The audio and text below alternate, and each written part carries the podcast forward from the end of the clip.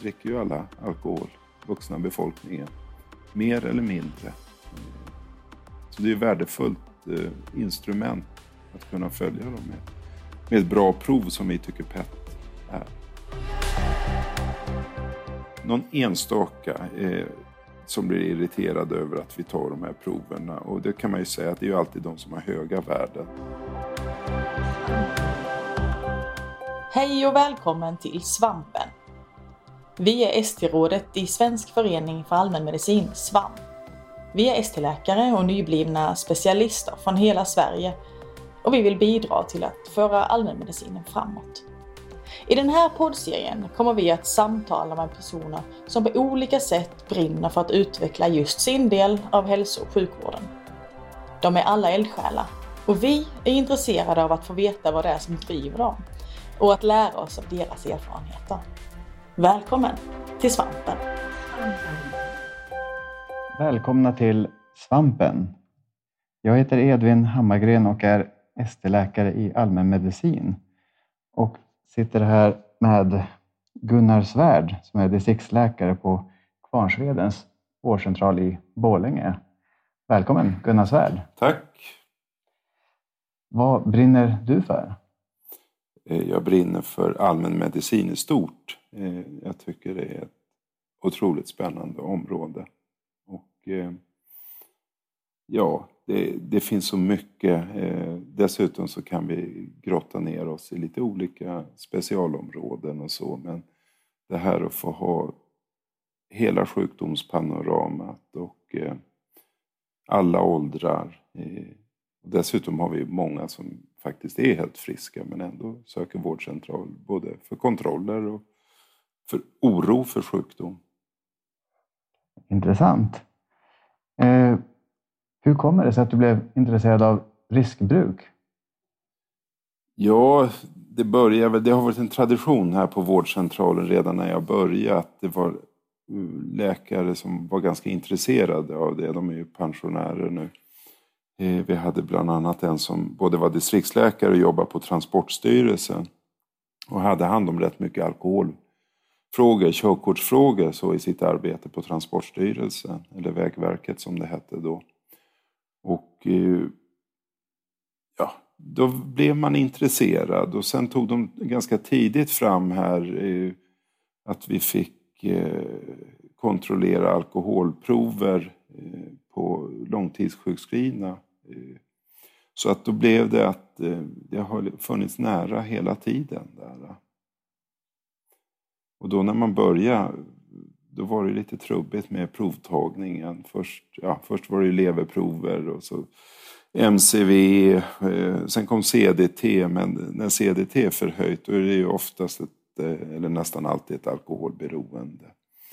Eh, men det var ganska värdefullt för vi hittade ju rätt många på de här sjukskrivna patienterna. Eh, då kan man hjälpa dem på rätt sätt från början. Eh, sen kom PET och det revolutionerar väl vår verksamhet rätt mycket. Och, ibland ska vi kunna följa nykterhet. som sagt, CDT visar ju inte någonting om man är nykter. Det kan visa att man inte dricker oerhört mycket. men ett PET-värde är ju ganska hållbart eh, för att se att man är nykter. Så därför har det varit så. Och sen är det ju i stort sett eh, så dricker ju alla alkohol, vuxna befolkningen. Mer eller mindre. Eh, så det är ett värdefullt instrument att kunna följa dem med. Med ett bra prov som vi tycker PET är. Ja. Är det någon speciell kunskap om det du skulle vilja förmedla till allmänläkare runt om i Sverige? Ja, den första kunskapen som jag tycker är kanske värdefullaste det är att man ska börja ta PET och våga ta PET. Eh, och eh, man eh, ska inte ha några fördomar utan det gäller att man tar det som ett rutinprov som vi gör här. Vi hittar ju där man inte tror man ska hitta och Alltså när man läser medicin och utbildar sig, det, det här de som kom in och var riktigt, hade långt gånget alkoholberoende och, och var trasigt klädda och lukta både ja, avföring, urin och alkohol och allt sånt. De kallar man liksom etyliker. Men, men det är ju inte det man, som jag tänker vi ska jobba med. Va? Alltså det finns ju de som har de där besvären och de är inte så svåra att hitta.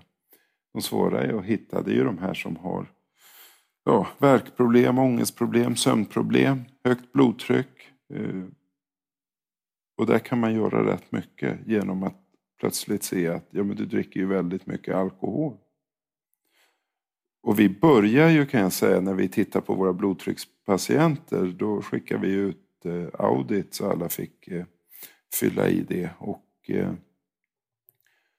det visade sig ju att eh, ja, det var inte så många som fyllde i det. Och de som fyllde i det, det var de som var nykterister nästan. Eller nästintill i alla fall.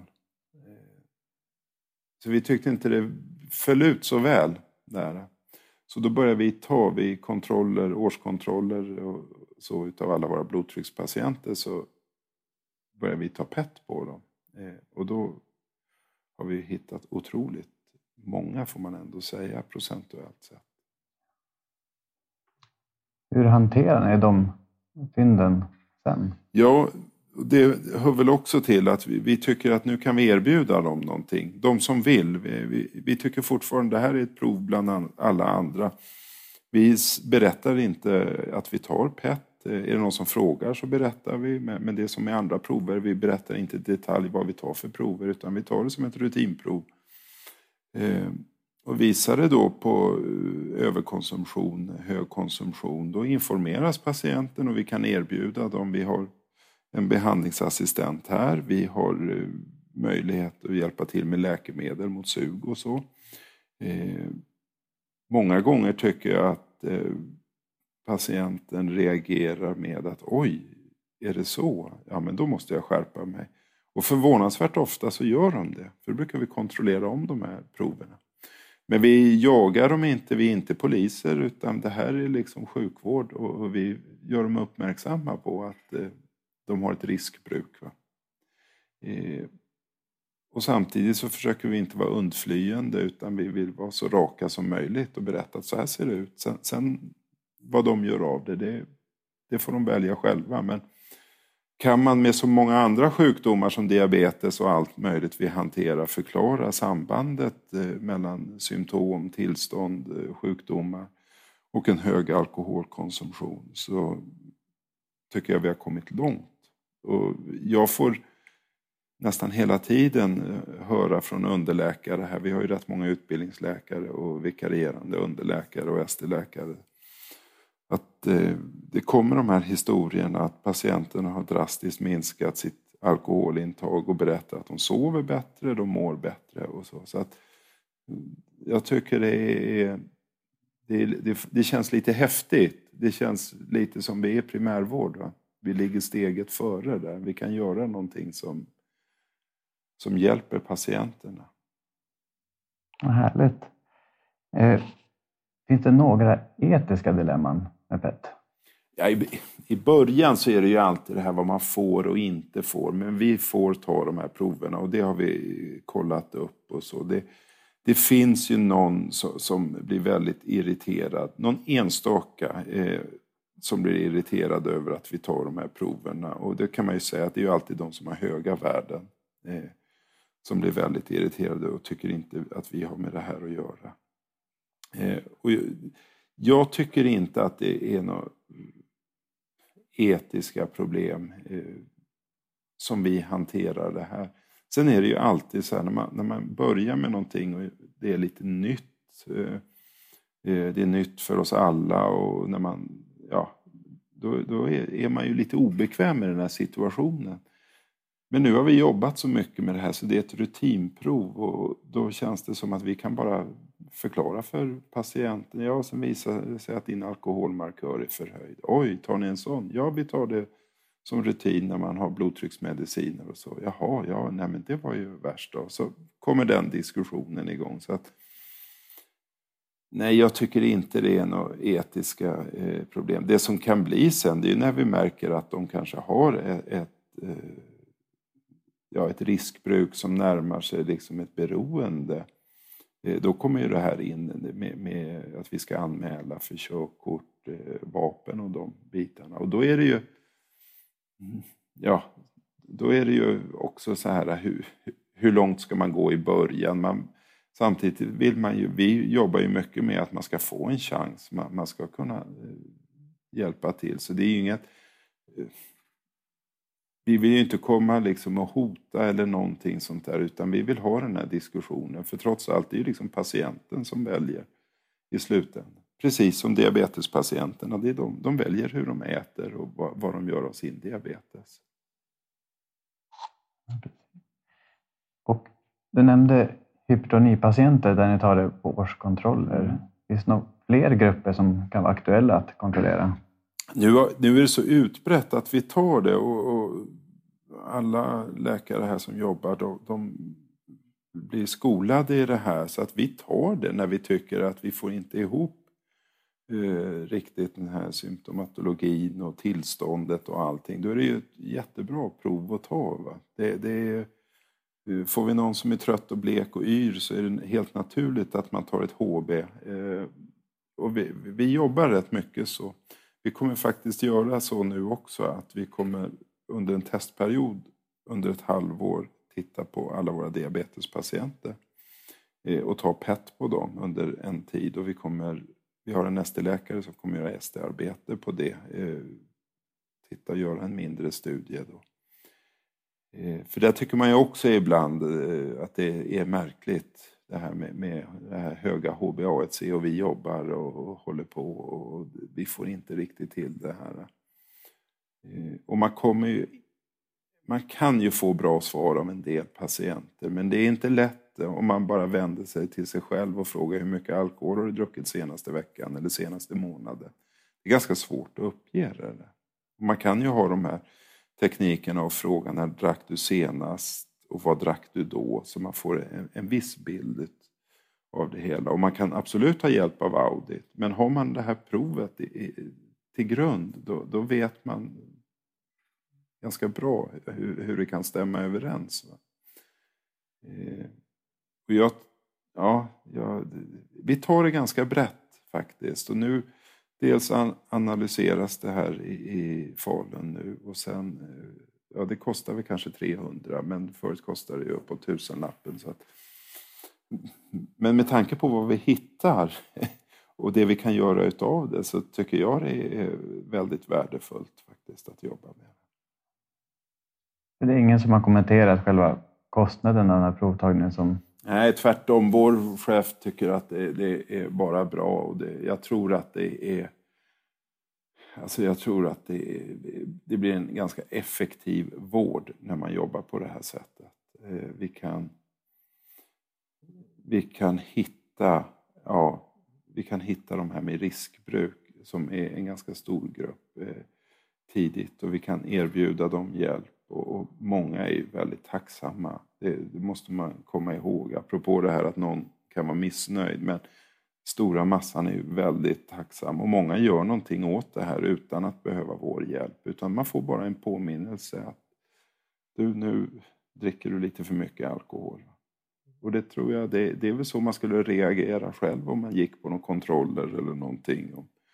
Man får höra att man kanske har fel kosthållning och motionerar för lite, dricker lite för mycket alkohol. Va? Det är inget man skulle tycka det har ni inte med att göra utan då tar man ju till sig det. Sen vad man gör av det, det får man ju välja själv då. Utan då, då får man den informationen. Och, eh, det känns bra tycker vi faktiskt. Och vi har med det här, vi har samtalsterapeuter här också.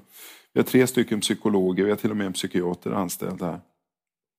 Och, och de har ju rätt att ta rutinprover, psykologerna där, och de kan även då ta ja, PET. Och, så att vi, vi, för hur ska man hjälpa en patient med ångest om de fortsätter att dricka och vi inte liksom ringar in det där problemet? Va? Så att det, jag tycker att det, det känns som att vi får, vi får bättre kvalitet på våra bedömningar. Men just det här med årskontrollerna, när var det ni satte igång att ta? Ja, det kan nog vara... Är det 2000 15 kanske det var. Där. Vi ska se där nu hur det blir. Nej, 2016 tror jag det var som vi började i, i full skala. Och det var ju då, förut var väl analysen nere i Lund, men sen när de började göra den i, i Falun, då blev det ju liksom enklare. Då får vi, nu får vi ju svar inom någon vecka. Sådär. Eh, och eh, kostnaden gick ner, så då körde vi väl igång våren 2016.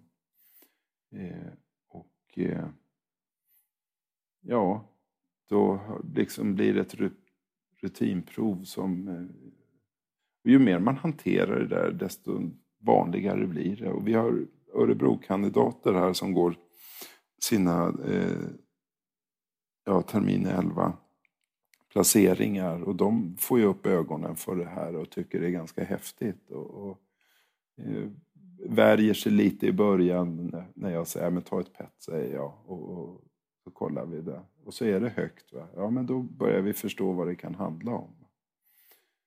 Eh, och man har, om man tittar tillbaka också och ser utredningar som har funnits. Eh, det har varit sänkeutredningar utan att man egentligen har hittat någon anledning.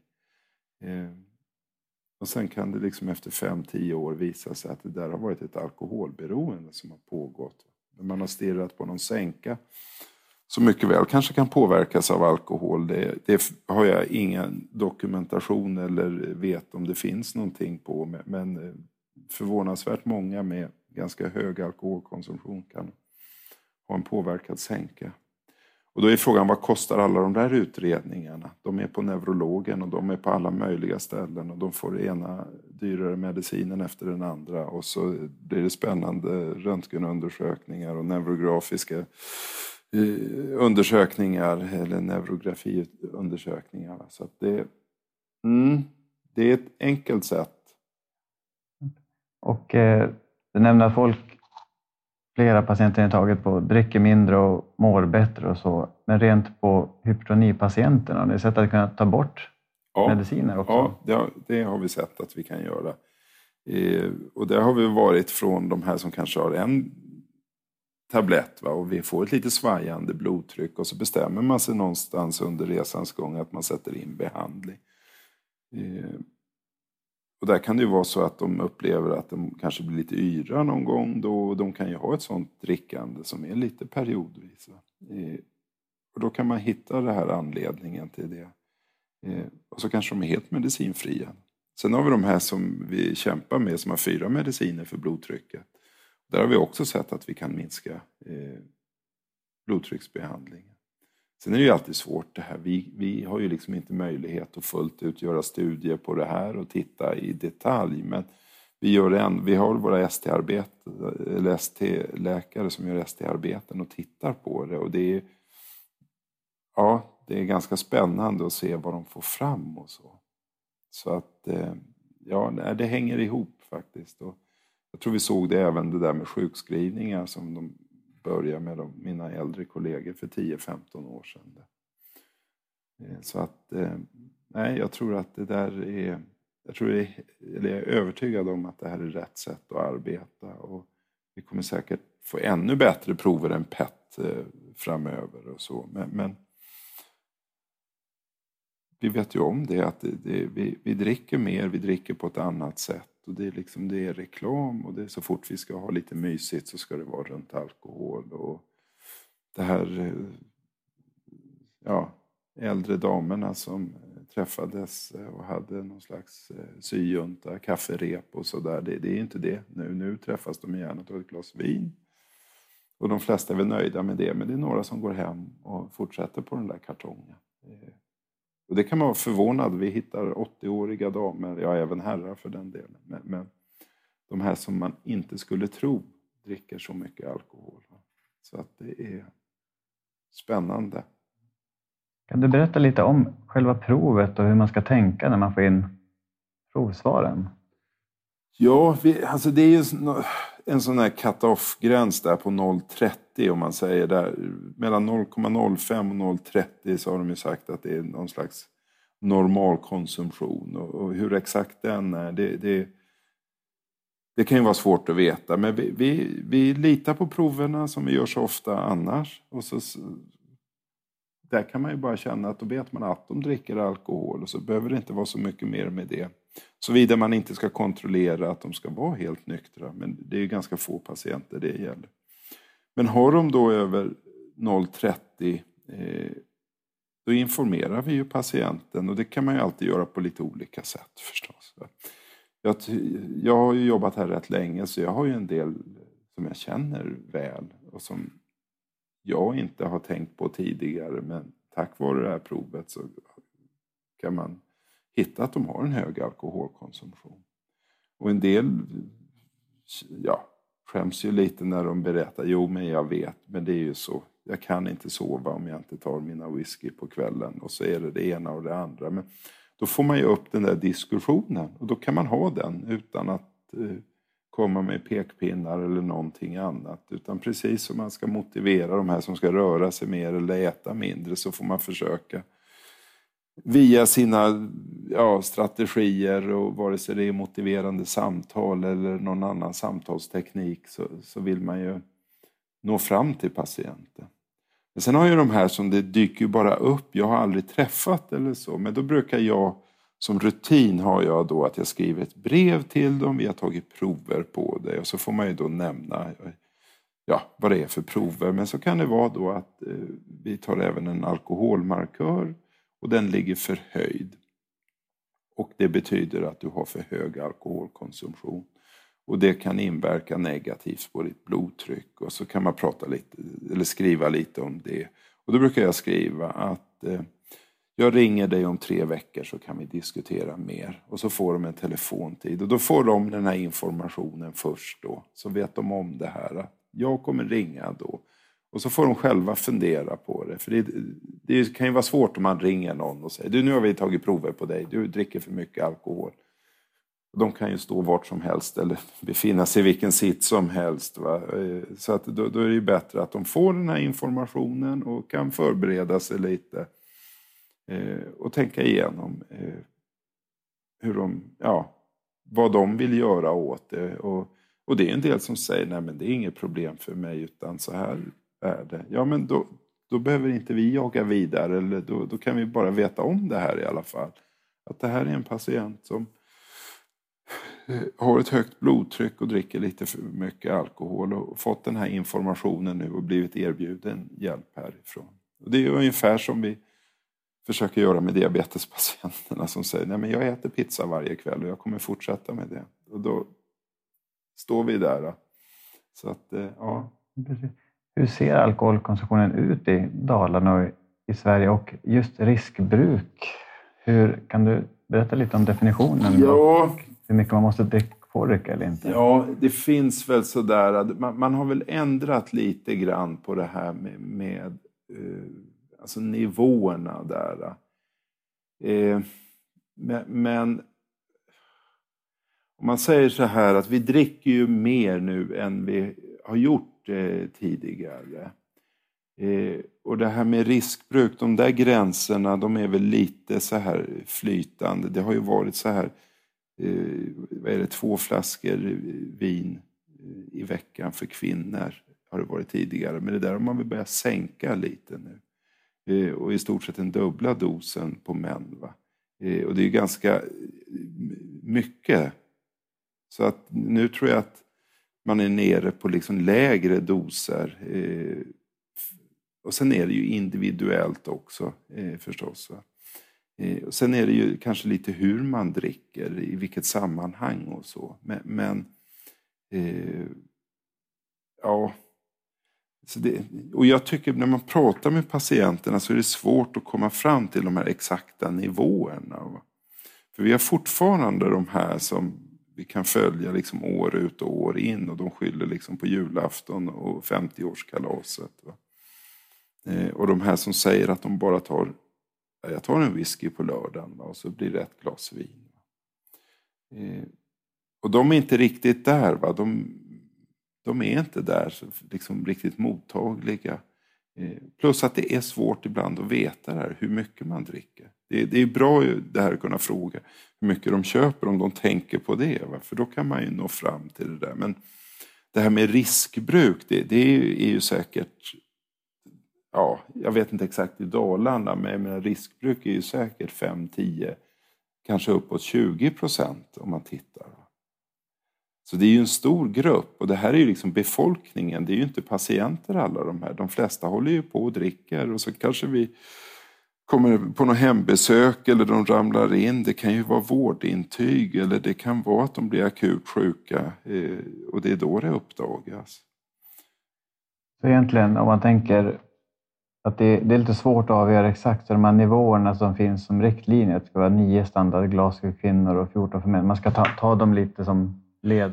Ja, det tror jag. Det tror jag att man, man ska tänka med det där. Och jag tycker det är Alltså standardglas, det, det, det, det, det är som sagt det är väldigt standardiserat. Men, men det är ju svårt det här med, det är, liksom, det är starköl, men nu har vi starköl som är från 4,5 eh, volymprocent till, till ja, vad de är, runt 10 de starkaste. Där. Och vi har ju de här som inte dricker någonting, säger det, ända tills det uppdagas att de dricker 12, 18 eh, folköl om dagen. Eh, det har vi haft ett par eh, ärenden eh, och de tycker inte att de dricker alkohol va? för att de kopplar inte det där.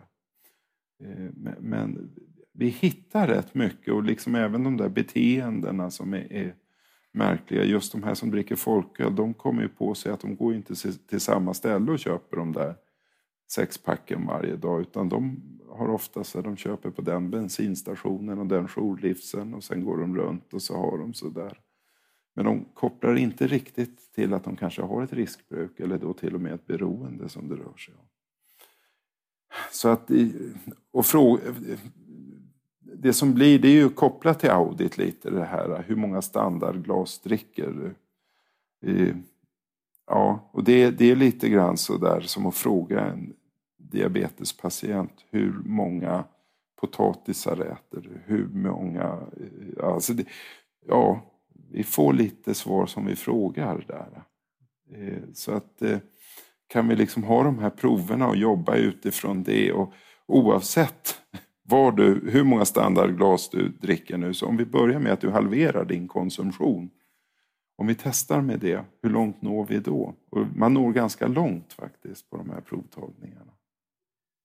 Och om man tänker på sådana som inte är så vana att ta prov men kanske blir nyfikna och vill kunna värdera och nu har hört lite om gränserna. Men om patienten slutar dricka helt, hur fungerar provet? Hur länge måste ha druckit innan och om de slutar, hur lång tid efter ungefär brukar det vara? Ja, precis. Jag, jag säger så här, har du en månad, är de helt nyktra i en månad, då ligger ju provet normalt där. Eh, och vi har ju inte så där lätt att ta hit patienter hela tiden. Så att, eh, tar man ett nytt prov efter en månad så är väl det ganska snabbt. Men, eh, och man har ju egentligen ingen brådska med det här. Men om man just vill se det här att nu säger patienten nu kommer jag inte dricka någonting på en månad. Idag är det Lucia och nu ska inte jag dricka över jul eller någonting. Ja, men då tar vi ett nytt prov i mitten på januari. Eh, och är det då förhöjt, då vet vi att de har druckit. Va? Så att, men som sagt, det, det, det, man måste ju ha lite känsla för det här att inte bli någon slags polis i det här. Utan att det här är ju, det handlar ju om livsstil och det handlar om att man kan få ja, det här med riskerna, konsekvenser och sjukdom och, och så. Så det, det, är det vi ska hjälpa patienten med. Och, eh, Visar det sig att de ligger då mellan kanske 0,05 och 0,30 och, och, och mår bra och allting, då, då, ja, då är det väl bra att det är så. Då behöver vi inte in och peta i det. utan Försök att hitta de här som dricker för mycket och hjälpa dem. Och jag tycker nog vi har lyckats bra med det. Och eh, hittills verkar det vara lovande resultat och du har ju föreläst för distriktsläkare i Dalarna om det här. Har du någon känsla för om fler har börjat ta Ja, jag får frågor eh, sådär och det, det har nog varit lite eh, ögonöppnare för, för rätt många. Eh, sådär, så, som ändå kommer fram och pratar med mig att de har börjat ta och sådär. Sen kan jag fortfarande bli lite eh, fundersam för det kommer även en del yngre eh, kollegor och, och, tycker inte att eh, de har behövt ta det och så. så att, eh, eh, Ja, men eh, vi tar fler PET-prover. Nu har inte jag, jag har tänkt att jag ska ta kontakt med labb och höra hur det ser ut faktiskt. För det vore lite intressant att se hur ser fördelningen ut Eh, på vårdcentralerna och hur ser fördelningen ut mellan slutenvården och vårdcentralerna. För totalt sett så vet jag, är det några som är duktiga på det här och är det några som kan fråga vare sig det gäller audit eller vi har ett PET eller någonting så är det ju distriktsläkare, det är läkare i primärvården som är bra på det här. Eh, och det har man ju genom åren fått höra kommentarer från lasarettet att det är liksom att de tycker vi är och petar i saker som ja, inte att det nästan blir lite integritetskränkande för patienterna. Men, men jag tror att det där håller på att försvinna nu och jag tror alla är ganska nöjda om man hittar orsaken till sjukdomar och tillstånd och så. så det, eh, och jag vet att man börjar ta det på eh, lasarettet också. Men, men, vi är rätt bra på det här i, i primärvården och hantera de här patienterna och det, det ska vi tänka på. Så att, eh, jag tror att det blir fler och fler och det hör jag de här utbildningsdoktorerna vi har, som är förbi här, vare sig det är VIK före AT eller under AT, de tycker ju också många att det är en sån här aha-upplevelse när, när, man eh, tar de här proverna och det visar sig att det stämmer. För vi har ju handledning och sen blir det ju att någon av oss handledare säger men ta ett PET och så är det förhöjt. Och så liksom, wow. Mm. Hur kan det vara det? Och det tänkte jag inte på. Så att jag, jag tror att det är eh, av värde faktiskt. Eh, och att vi blir bättre. Ja, Nej, och det är verkligen spännande med ett nytt ganska vad ska man säga, nytt verktyg blir det ändå när man kan använda det i en annan omfattning mm. numera. Så att, eh, jag hoppas också att det kan få spridning där och att den här kunskapen kan spridas så att vi kan minska riskbruk för att ja, begränsa att fler hamnar i beroende. Så det är ju väldigt spännande område. Som är ett, ett växande, har varit ett växande problem känns som senaste. Ja, det är det. Och så tycker jag att det är... När man läser tillbaka i journalen så hittar man ju ibland att det har handlat om alkohol hela tiden. Men vi gör väldigt mycket annat och vi utreder mycket. Och det kostar oerhört mycket och vi hjälper inte patienterna. För det är det jag tycker är liksom till syvende och sist så är det ju det vi ska göra. De kommer och frågar vad kan det vara? Det är det de ofta vill ha svar på.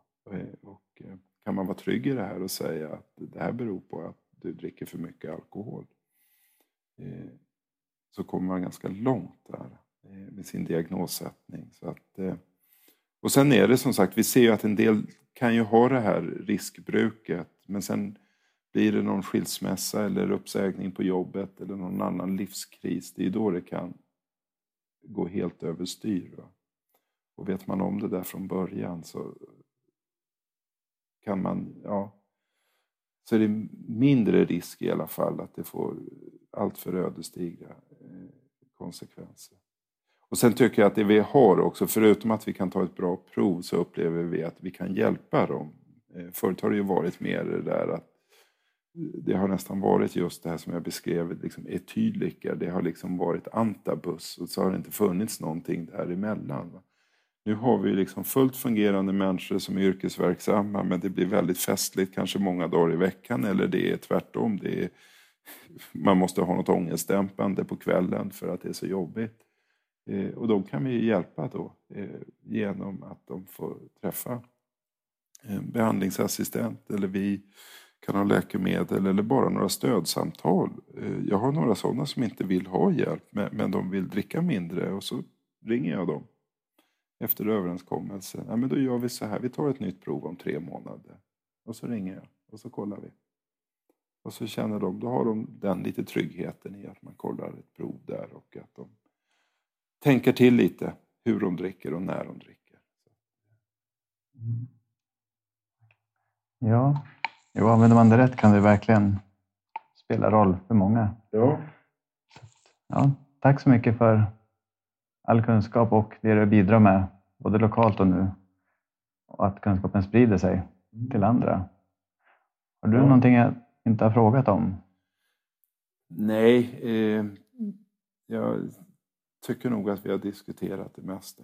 Eh, det är väl som sagt så där att det, det kommer säkert komma nya prover och, och det är intressant. Men, men eh, jag tänker ju ändå att man, om man inte tar det och vet inte hur man ska göra, börja ta det och hitta lite strategier för hur, hur man ska hantera det och så. Men, men eh, var, var väldigt uppriktig, var tillåtande och inget fördömande utan hantera det som om man hittar ett förhöjt kreatinin eller ett lågt HB eller någonting sånt. Va?